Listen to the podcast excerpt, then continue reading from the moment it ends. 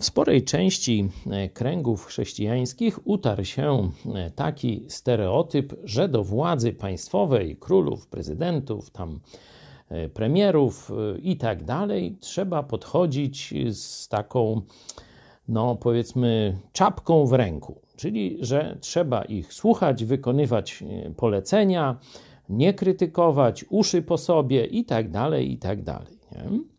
Jednocześnie ci sami chrześcijanie mówią, że Jezus dla nas jest wzorem, że powinniśmy postępować tak jak Jezus. No to ja chciałem Wam pokazać, jak Jezus mm, postępował z politykami. Otwórzcie sobie Ewangelię Łukasza, 13 rozdział.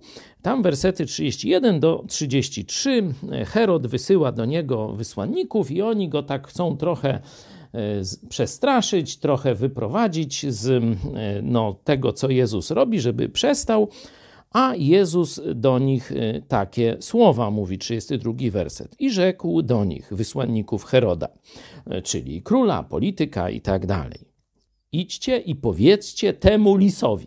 No, zobaczcie, nie widać tu mięcia czapki, nie widać tu jakiejś uniżoności wielkiej, tylko tego no, złego skądinąd y, przywódcę, podstępnego, mściwego i tak dalej, Jezus traktuje sprawiedliwie, czyli, czyli tak, jak na to zasłużył. To jest zły człowiek i Jezus go nazywa złym określeniem. Ten lis. Nie?